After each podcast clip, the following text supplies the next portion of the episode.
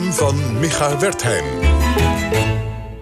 Het verschil tussen grappen en columns is dat ik mijn columns met moeite moet schrijven, terwijl mijn grappen zich vaak als vanzelf aan mij voordoen.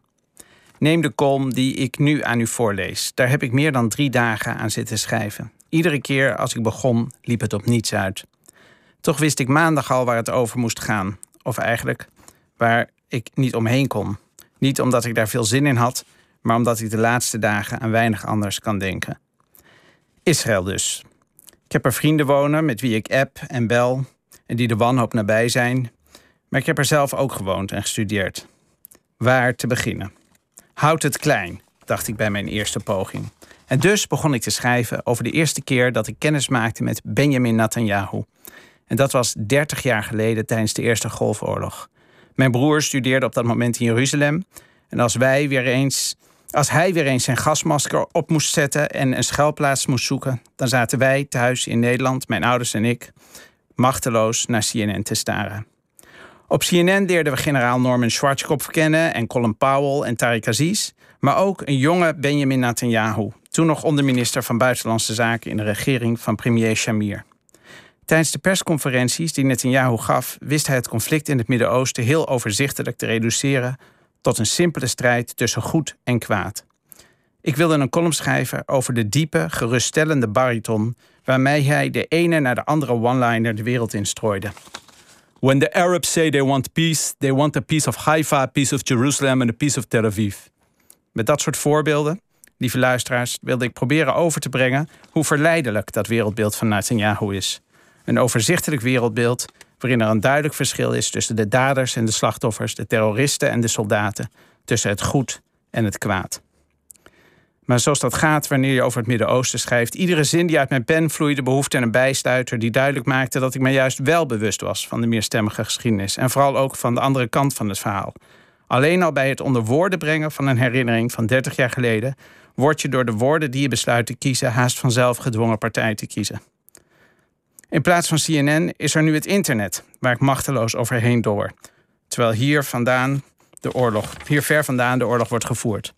Op de website van 972 Magazine kwam ik een filmpje tegen waarin de Palestijnse journalist en filmmaker Rami Younis in een Israëlisch tv-programma duidelijk probeert te maken dat het geweld in de stad Lot niet zomaar uit de lucht is komen vallen.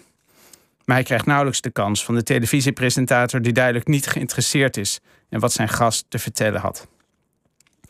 Ik was ervan overtuigd dat Younes het wilde hebben over de etnische zuiveringen van 1948 in de stad Lot een van de donkerste bladzijden uit de geschiedenis van de Joodse staat.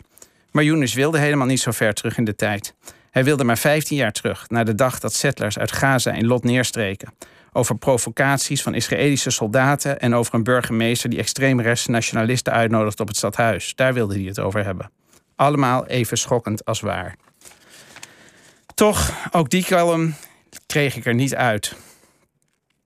Want ik had willen beginnen niet bij de oorlog van 1948, maar aan wat daaraan vooraf ging. Niet in Israël, niet in Palestina, maar hier in Europa, waar het allemaal begon. U begrijpt, ook die column werd te lang en is er niet gekomen. Hoeveel eenvoudiger is het toch met grappen?